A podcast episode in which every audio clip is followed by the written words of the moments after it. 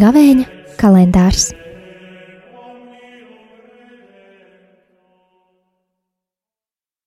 Astoņpadsmitais februāris, ceturtdiena. Lasījums no Jēzus Kristus evanģēlīja, ko uzrakstījis Svētais Lukas.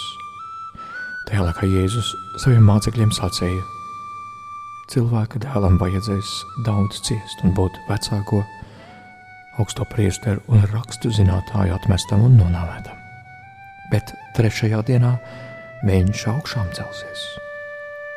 Pēc tam Jēzus visiem sacīja: Ja kāds grib man sekot, tas lai aizliedz pats sevi un ikdienas, lai ņem savu krustu un man seko.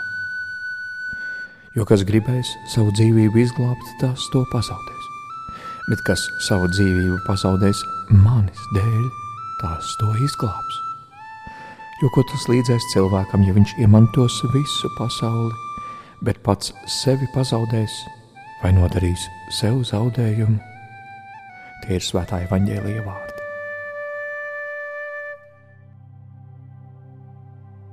Darbie radio Marija klausītāji! Šodienas evanģīlija fragmentā mēs dzirdējām Kristus aicinājumu, lai mēs viņam sekotu, ņemot savu krustu. Un tieši viņš mūs aicina, lai mēs neņemtu nekādu citu krustu, kā tikai savu. Neaicina mūs ņemt svešu krustu. Pat nepiedāvā mums paņemt viņa paša krustu, bet lai mēs ņemtu savu krustu.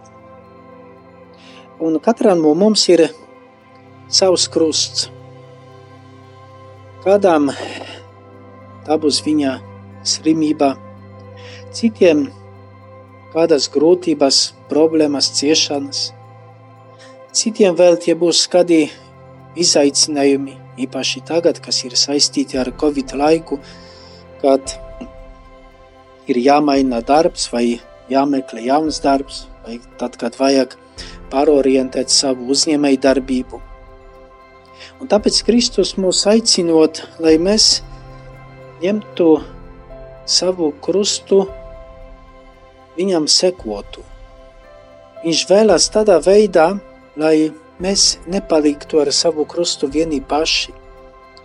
Viņš ļoti labi zina, ka ja cilvēkam tajā brīdī nav nekāda atbalsta, nav neviena, kas viņam būtu līdzās, tad tas, kas mūs nomāc, nospiež, tas var mūs salauzt.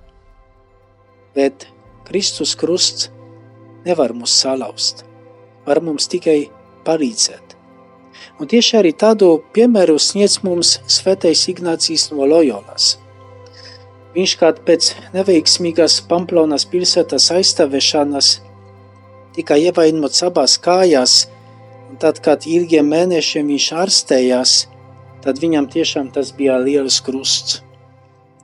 Bet tas bija arī laiks, kad viņš mainīja savu domāšanas veidu, kad viņš pievērsās dievam, ticībai, sāka lasīt daudz garīgo grāmatu, un e, ne tikai viņš tāds sarakstīja garīgos vingrinājumus, dibināja jēzuītu ordeni, bet pateicoties tam, kā viņš nesot savu krustu, sekoja Jēzum, izglāba savu dzīvību.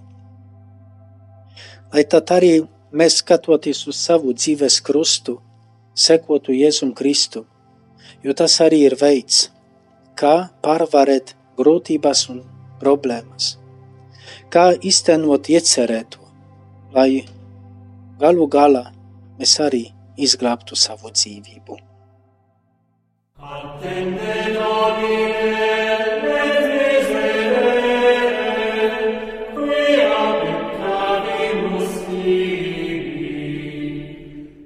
Gavēņa kalendārs